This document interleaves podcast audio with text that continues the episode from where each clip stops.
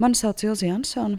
Jūs klausāties Satorija podkāstu, un šī ir rakstu sērijas sektas un traģiskā reliģija otrā daļa. Kāpēc cilvēki pievienojas jaunajām reliģiskajām kustībām? Daži populāri piemēri. Ilze Jansone ir rakstniece un teoloģijas doktore. Pērn maijā Latvijā neasistētās dzemdībās mājās nomira kāda reliģiskās kustības pirmā evaņģēliskā Jēzus draudzes sekotāja. Rēģējot uz šo notikumu, Ilze Jansona trīsdaļīgā rakstu sērijā skaidro vairākus pamatjautājumus, kas saistīti ar tās augtajām sektām un citām reliģiskām kustībām.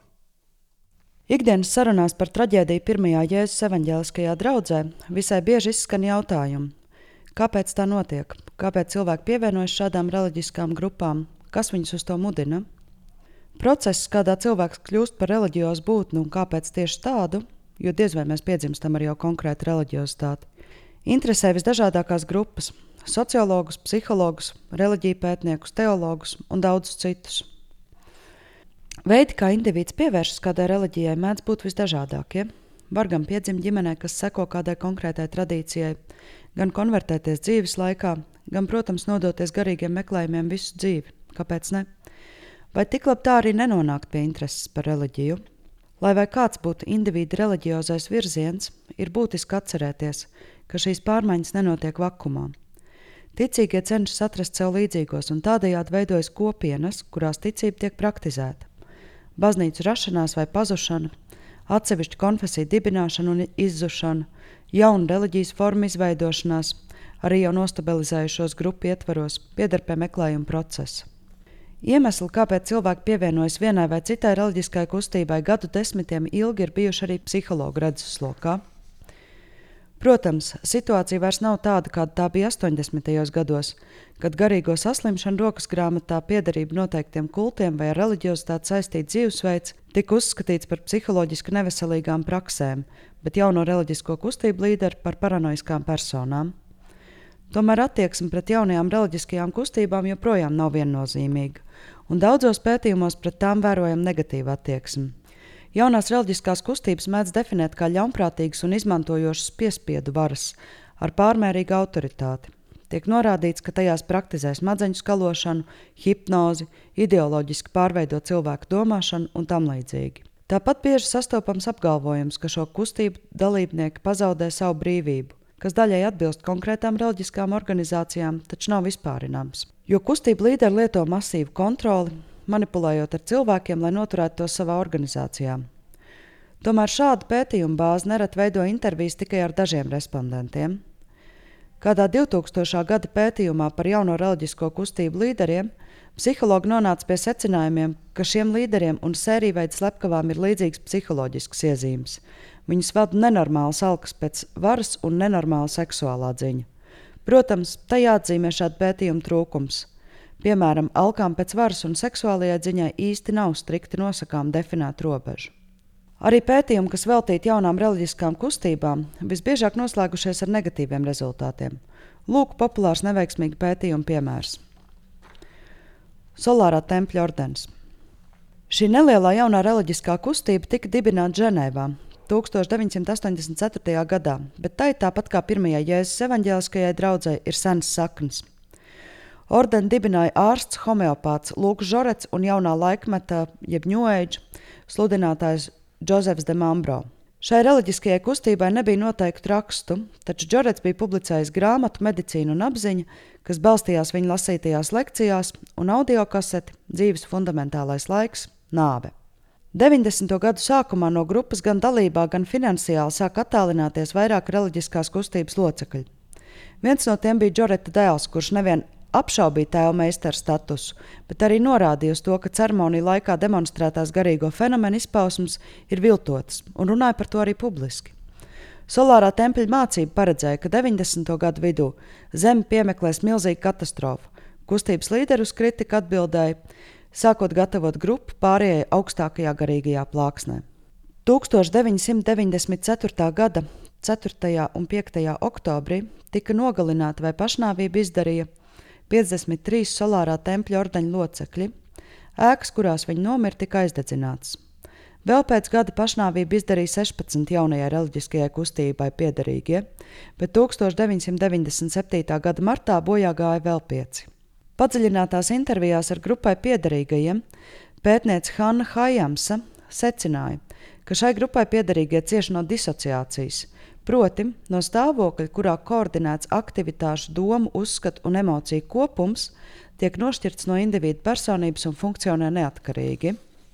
Pētniece pieņēma, ka tempļa sekotāji cieta no traumas un psihozes, taču neņēma vērā, ka šo traumu varētu būt izraisījusi notikusī masu pašnāvība, un tā varētu būt tieši rezultāts izdzīvojušo vilšanās un sēru sajūtai. Hajams vispārināja pētījumu uz visu jauno reliģisko kustību locekļiem, uzskatot, ka šiem cilvēkiem jau pirms tam ir bijušas problēmas ar piesaisti, neapmierinātas emocionālās vajadzības, vainas un kauna izjūta. Lieki piebilst, ka šādi vispārinājumi nepalīdz, Tā kā šis nav vienīgais šāda tipa pētījums, pētīt ir arī mūnu sekotāji un citas jaunās reliģiskās kustības. Tas vedina pie viena secinājuma. Nav iespējams uzbūvēt potenciālā konvertīta psiholoģisko portretu, jo pētnieki visbiežāk strādā ar cilvēkiem, kas šo grupu jau ir pametuši, vai kā šajā gadījumā pārdzīvojuši savas ticības krīzi. Līderim ir nozīme, Te jebkurā reliģiskā organizācijā viens no noteicošajiem aspektiem ir līderu harizma, un spilgts piemērs var atrast tepat Latvijas lielajās konfesijās. Minot kaut vai tikai dažus vārdus, kā Juris Rubens, Ilmārs Tolstovs, Juris Cālītis un tam līdzīgi. Jaunās reliģiskās kustības nav nekāds izņēmums, un tieši līderis visbiežāk ir arī atbildīgs par doktrīnas interpretāciju vai pašu doktrīnu, un arī par šīs interpretācijas sekām. Spilgts piemērs ir Tautas templis un Džims Jones. 20. gadsimta 50. gados Indianapolisā, ASV, Jones sāka pulcēt neformālu draugu. Tās galvenās idejas - ideāla sabiedrība, kur spētu pārvarēt ļaunumu, ko nodara rasisms un nabadzība. 1960. gadā draugs pievienojās Kristīgajai baznīcai, Kristus mācekļiem, plašai protestantu grupai, kas ASV pastāv kopš 19. gadsimta un 1964. gadā Džons tika ordinēts par mācītāju. Gadu vēlāk viņš brīdināja, ka gaidāms nukleārais holokausts, un organizācija pārcēlās uz Kaliforniju, kur draudzes locekļi aktīvi iesaistījās gan reliģiskajā, gan politiskajā dzīvē. Draudzes atzara tika nodibināta San Francisco un Losandželosā, bet 1974. gadā tika nodibināta uz lauksaimniecību balstītā Johnstona. Lai arī pats Džons bija baltais, viņa doktrīnas interpretācija, jeb sociālais apustulisms, bija mikslis starp marksistisko atbrīvošanās teoloģiju, dziedināšanu ticībā un entuziastisku lūkšanās veidu, kurš bija īpaši izplatīts melnādaino draudzēs. Par zinām veidu inovāciju, kas nav raksturīga lielajām kristīgajām konfesijām, pētnieki uzskata Džonsa aizvien pieaugušo vēlmi tapt dievišķotam. Ņemot vērā toreizējo nedrošo politisko, ekonomisko un sociālo situāciju, arī daudzi ekonomiskajā un sociālajā situācijā cietuši draugus locekļi tiecās piešķirt Džonsam mesijas statusu. Viņš neiebilda. Pamazām presē parādījās ziņas, ka tautas templī notiek finanses mahinācijas, un tās locekļi tiek fiziski ietekmēti. 1977. gadā Džons kopā ar simtiem ticīgo devās uz Jonestownu. Pēc gada 1978. gada 18. novembrī kopā ar ASV kongresmeni Leo Rajanu Džonstonā ieradās grupa bijušo tautas tempļu locekļu, kuri bija noraizējušies par saviem tuviniekiem, kas tur apmetušies. Lai arī pati vizīte noritēja labi, neskaidru iemeslu dēļ Rajans un viņa pavadoņi tika nogalināti atpakaļceļā uz lidostu. Drīz pēc tam lielākā daļa Džonstonas iemītnieku izdarīja masveidu pašnāvību, iedzerot ar cianīdu saindētu dzērienu, bet citi tika nošauti. Pavisam Džonstonā bojā gāja 918 cilvēki, tostarp arī pats tautas tempļa līderis, kurš visticamāk nošāvās. Harizma šajā gadījumā nav cilvēka raksturiezīme vien. Reliģiskie rituāli nereti tiek konstruēti tā, lai padziļinātu harizmātiskā līdera un viņa sekotāja attiecības. Tiek izmantot kombinācija, ko veido mūzika, lūkšanas, kur līderis darbojas kā starpnieks starp draugu un dievišķo un sprediķošanu. Piedalīties šādā rituālā, jeb dievkalpojumā, nozīmē atrasties pozīcijā, kur iespējams izjust līderu harizmātisko ietekmi. Turklāt, ja sekotāji ir pieņēmuši līderu harizmātisko pozīciju, Visbiežāk tiks sagaidīts arī noteikts pravietisks darbības un pat brīnumi, jebkas, kas varētu norādīt uz cerību, ka līdzšinējās dzīves ķibeļu sagādātās nestabilitātes un neparedzamības vietā iestāsies jauna kārtība. Bīstamība parādās brīdī, kad līderis sajūt, ka viņa harizma vairs nestrādā un negūst savu sekotāju apstiprinājumu. Šādi visbiežāk tiek zaudēta autoritāte. Harizmātiska organizācija un autoritāte ir atkarīga gan no sekotāja reakcijas, kur līdera teiktais ir likums, gan arī no paša līdera, bet nekad tikai no viena. Vēlākajos gados daudz pētīt arī Džima Jonesa personību, atklājot tajā piemēram paranojas iezīmes, un Johnstonas traģēdijas izpēta joprojām turpinās, bet Džonsas mediju izpratnē ir kļuvis par ļaunā reliģiskā līdera iemiesojumu. Protams, nevienmēr harizmātisks līderis nozīmē traģēdiju. Piemēram, kādā 90. gadu sākumā veiktā pētījumā par Bhagvan Rajnīša, jeb Ošo, sekotājiem tika secināts, Nav nekāda iemesla uzskatīt, ka šiem cilvēkiem būtu kādas garīgas problēmas, vai arī ka tādas būtu radušās esot šajā kustībā. Šis pētījums neapstiprināja tēzi, ka jaunu reliģisko kustību locekļi būtu lētticīgi vai viegli manipulējumi. Tiesa ir arī pētījumi ar mazāk optimistiskiem rezultātiem.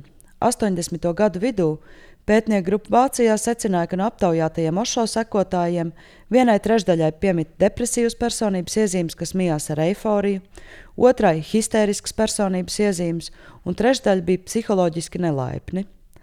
Pētot tieši cilvēku pievēršanos ošo, tika secināts, ka pievienoties šai kustībai ļaudis pamudinājusi narcistiska disfunkcija, spēcīgs superego, histērisks vai depresīvs tendences vai psihosomatisks sūdzības. Viennozīmīgas atbildes nav. Mēģinot ieviest skaidrību reliģiskajos pētījumos, kas tiecas portretēt iespējamo jauno reliģisko kustību adeptu, jānorāda uz vairākiem punktiem. Pirmkārt, trūkst pētījumu, kas salīdzinātu grupas un cilvēku psiholoģisko stāvokli pirms pievēršanās kādai jaunajai reliģiskajai kustībai. Līdz ar to, pat ja individam piemīt kādas psihopatoloģijas, nav iespējams noteikt, vai tās bijušas manāmas pirms pievēršanās šai reliģiozitātes formai vai radušās esot reliģiskajā grupā. Otrakārt, jāņem vērā tas, ka joprojām trūkst standartizētu mēru, ar kuriem psiholoģiski varētu izmērīt, teiksim, reliģiozitātes normalitāti. Treškārt, nereti noteikts psiholoģiskus sindromus var izraisīt arī individu aiziešana no grupas. Līdz ar to faktiski jebkāda secinājuma par jauno reliģisko kustību sekotājiem visdrīzāk būs vairāk nekā diskutabli. Nav iespējams izpētīt individu psihopatoloģisko stāvokli pirms konvertācijas.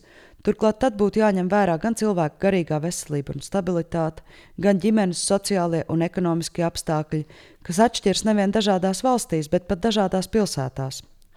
Pat pētot dažādas reliģiskās kustības un tām piederīgos un salīdzinot rezultātus, tie var nebūt uzticami tieši individuālā faktora dēļ.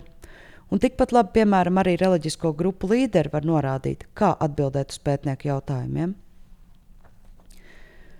Līdz ar to, lai kā mums gribētos pasargāt sevi un savus līdzcilvēkus no bīstam jauno reliģisko kustību ietekmes, īsts garantijas nav. Spriežot pēc pētījumiem par jaunajām reliģiskajām kustībām, īpaši populārs tās kļūst ekonomisko krīžu laikos, taču arī personīgās krīzēs cilvēki nereti meklē glābiņu tieši reliģijā. Un visbiežāk tieši tādā, kur ir spilgts, harizmātisks līderis, kas sola jaunu kārtību un sniedz atbildes uz jautājumiem, nevis liek uzdot aizvien jaunus jautājumus, kurus šķietam sarežģīja jau tā pietiekami sarežģīto individu situāciju.